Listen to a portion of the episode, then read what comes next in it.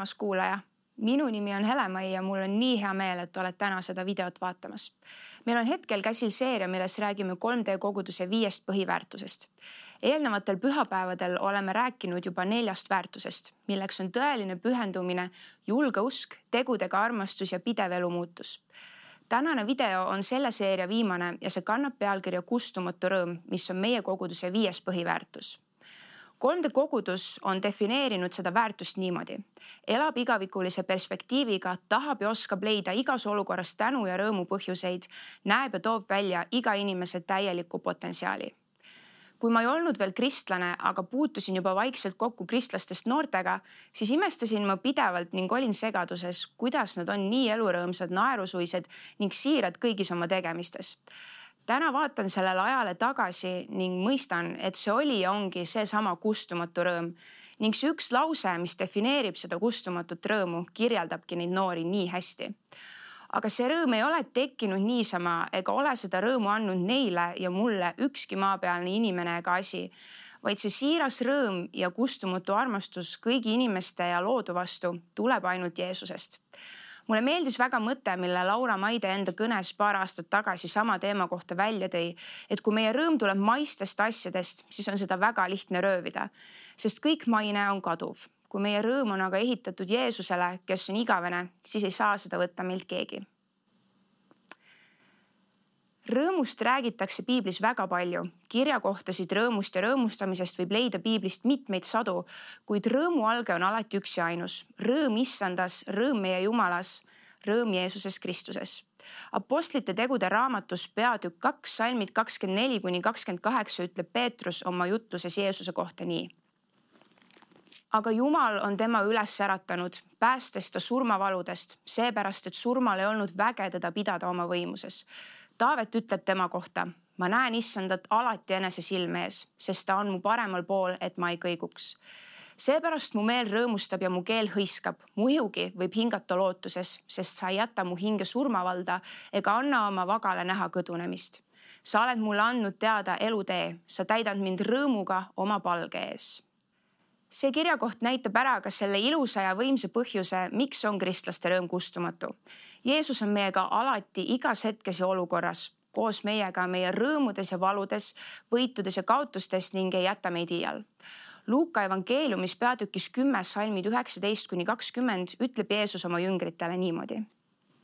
vaata, ma olen andnud teile meelevalla kõndida madude ja skorpionide peal ja vaenlase kogu väe peal ja miski ei tee teile iial kahju ometi ärge rõõmustage sellest, et vaimud teile alistuvad, vaid rõõmustage, et teie nimed on taevasse kirja pandud.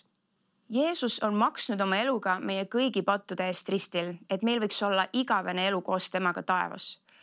kui mõelda kõige selle peale, siis miks me ei peaks rõõmustama? kõik need ilusad kingitused sellepärast, et Jumal lihtsalt armastab meid nii palju aga kuidas me kristlastena seda kustumatut rõõmu päriselt ka välja elame? Usun, et nii minu kui ka ülejäänud 3D koguduse jaoks tähendabki kustumatu rõõmu ja elamine igavikulise perspektiiviga meie kõigi igapäevast elu ja mitte ainult pühapäeval. kõik, mis me teeme tööl, kodus, koolis, kohvikus või isegi poes, püüame teha nii, nagu Jeesus seda tegi ja meile õpetas. ning selle tulemus ongi tihti pidev rõõm ja positiivsus. see paistab ka välja väga tugevalt nii minul kui ka minu sõpradel on olnud palju olukordi, kus inimesed meiega kohtudes, teadmata, et oleme kristlased, toovad välja, et meis on mingisugune sära, millele ei oska nime anda. et meie kristlastena teame, et see ongi see kustumatu rõõm Jeesuses. kustumatu rõõm selles, et Jeesus on meid kutsunud, meid muutnud, andnud meile uue elu. tänu sellele saavad tihti tulla esile ka evangeelsed vestlused sest kui inimesed küsivad, et mis see ometi on, mis meid niimoodi naeratama paneb, saame jälle suure rõõmuga vastata ja jagada. seetõttu on ka evangeeliumi jagamine samamoodi kustumatu rõõmu väljaelamine. eriolukorra ja pandeemia ajal sai rõõm minu jaoks justkui uuenenud tähenduse kuigi kristlasena tean ja usun, et kõik on Jumala kontrolli all ning lõpuks tuleb tema parim plaan esile, siis ei püüa ma pimesi raskeid ja probleemseid kohti oma usu ega Jumalaga kinni katta olin teadlik keerulisest reaalsusest, et pean oma igapäevaseid harjumusi muutma ja kohandama selleks, et oleksin parem sõber, pereliige, naaber ja lihtsalt kodanik, et anda endast parim haiguse leviku piiramiseks. ning teadsin, et sellist ettevaatlikut ja teistest hoolivat käitumist ootab minult ka Jumal. sealjuures möödus aga minu eriolukord võrdlemisi lihtsalt ma olin kogu selle perioodi aeg terve, sain käia edasi tööl ja koolis ning sisustada uut tekkinud vaba aega põnevate tegemistega, milleks varem võib-olla aega ei osanud leida. ja just kõik seesama panigi mind mõistma, kui rõõmus ja tänulik ma pean olema. tänulik enda tervise eest, selle eest, et mu pere on terve, selle eest, et ma jäänud enda tööst ilma nagu nii paljud teised tänulik selle eest, et kokkuvõttes pidin ohverdama enda harjumuspärastest mugavustest tegelikult väga vähe, samal ajal kui paljudelt inimestelt röövis pandeemia kõik eelpool nimetatu. kuigi olen kogu oma teadlikku elu olnud võrdlemisi rõõmus ja püüdnud leida igas olukorras midagi head, siis tänu Jeesusele olen õppinud hindama ja rõõmu tundma ka raskustest, kurbusest ja kaotusest üks suurimaid õppetunde, mille olen saanud Jumalalt, on see, et tema valvsa pilgu all ja tugeva käe juhtimisel ei ole ükski õnnetus ega kaotus ega mure tühjaks kohaks ja lihtsalt meile valuks, vaid õppimiseks, kasvamiseks ja Jumala parima plaani esile tulemiseks. kahe tuhande kaheksateistkümnenda aasta kevadel, kui ma ei olnud veel kristlane, kaotas mu vanaema pika võitluse vähile. me olime väga lähedased ning tema kaotus oli mulle väga valus samal aastal seisin silmitsi ka paljude teiste muutuste ja väljakutsetega ning kõik see kokku oli väga kurnav. mul oli raske näha, miks kõik need asjad niimoodi pidid korraga juhtuma. mõni aeg peale vanaema surma kandideerisin ma Tallinnasse ülikooli ilma suurema plaani ja ettekujutuseta, kas ja kuidas minu elu Tallinnas saaks üldse võimalik olla siis aga juhtuski nii, et sain sisse Balti Filmi meediakooli muusika erialale ning mul oli vaja hakata mõtlema koos oma ema ja isaga, et kuidas minu elu Tallinnas siis üldse välja nägema hakkab. aga vanaema oli mulle jätnud peale enda surma oma armsa korteri Pärnus, mille me nüüd saime välja üürida, et maksta minu Tallinna korteri üüri nii ma kolisingi kaks tuhat kaheksateist aasta augusti lõpul Tallinnasse, hakkasin käima ülikoolis ning mis kõige tähtsam minu jaoks, läksin PP festivalile Port Noblessnerisse, sain päästetud ja alustasin enda teed koos Jeesusega. kui ma vaatan tagasi tervele sellele sündmuste jadale, siis usun päriselt, et miski ei olnud juhuslik ja see oli koht, kus Jumal tegutses. olen vahel siiani kurb, et vanaema meie juurest lahkuma pidi, aga rõõmustan, et Jumal sai sellest valust ja kaotusest tuua esile palju kasvamist, palju erilisi muutusi ning väga palju õnnistusi psalmid üheksateist, salm üheksa ütleb. issanda korraldused on õiglased, need rõõmustavad südant.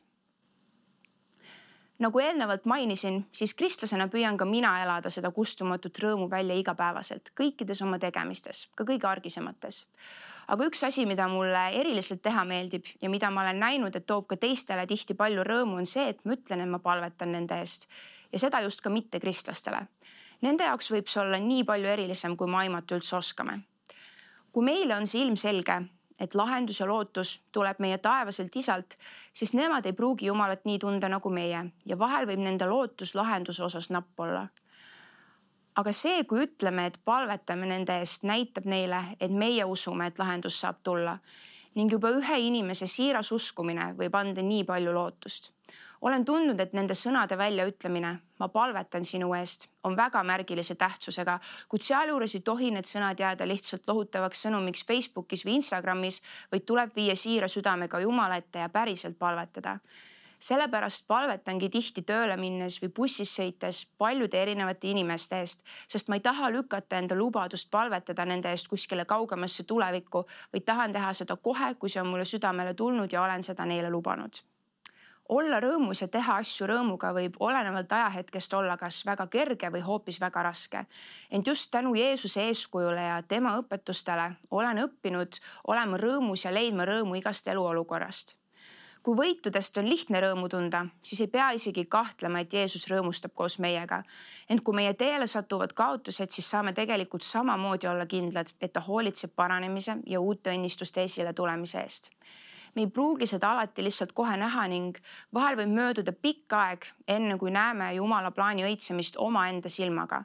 aga me ei pea iial kahtlema selles, et tegelikult on Jumal meiega seal alates esimesest hetkest me ei tohi lihtsalt unustada, et see, mis meie arvame inimestena olema parimaks lahenduseks mõnele murele või probleemile või kaotusele, ei pruugi olla see, mis meile tegelikult parim on seda näeb ainult Jumal ja seega tuleb meil alati usaldada ka kõige vaiksemates hetkedes, mil ei näe midagi muutuvat, et Jumala parim plaan on teostamisel. enne kui ma lõpetan, tahan korraks rääkida veel Jeesusest ja piiblist. Evangeelium, mis räägib meile Jeesuse sünni, elu, surma ja ülestõusmise loo, ongi ju teisisõnu rõõmusõnum. sellepärast võib ju öelda, et Jeesus ongi rõõm. kui Jeesus suri kõigi meie pattude eest ristil, päästis ta ära meid suurest ja hirmsast karistusest ilma Jeesuseta ei saaks me kunagi elada sellises rõõmus ja lootuses nagu täna, vaid meid ootaks patu karistusena surm Pauluse kirjas roomlastele peatükk kuus, salm kakskümmend kolm ütleb nii, sest patupalk on surm, aga Jumala armuand on igavene elu Kristuses Jeesuses, meie issandas. Jeesus jagas palju kustumatust rõõmust enda järgijatele ka enda eluajal ning tõotas, et rõõm ja rõõmustamine on midagi, mis tuleb temast ja saab tema kaudu täielikuks. Johannese viisteist, üksteist ütleb Jeesus nii seda ma olen teile rääkinud, et minu rõõm oleks teis ja teie rõõm saaks täielikuks. Mul on nii hea meel, et mul on olnud võimalus täna kõneleda teemal kustumatu rõõm ning jagada teile mõningaid enda mõtteid selle kohta. loodan, et ka kõigil teil on võimalik koos minuga rõõmustada selle pühapäeva üle ning soovin teile mõnusat aega, kas kogukonnas, perekonna keskel või ka üksinda. Järgnevalt on võimalus arutleda paari küsimuse üle ning jagada omavahel mõtteid kustumatu rõõmu kohta. Olge väga hoitud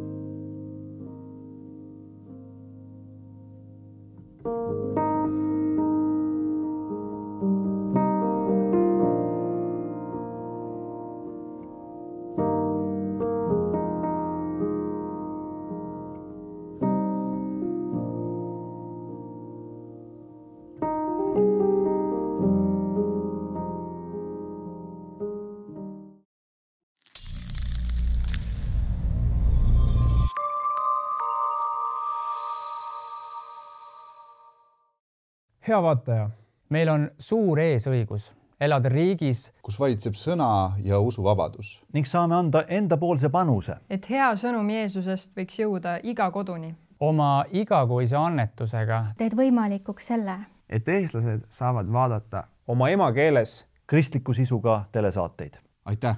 sinu panus on oluline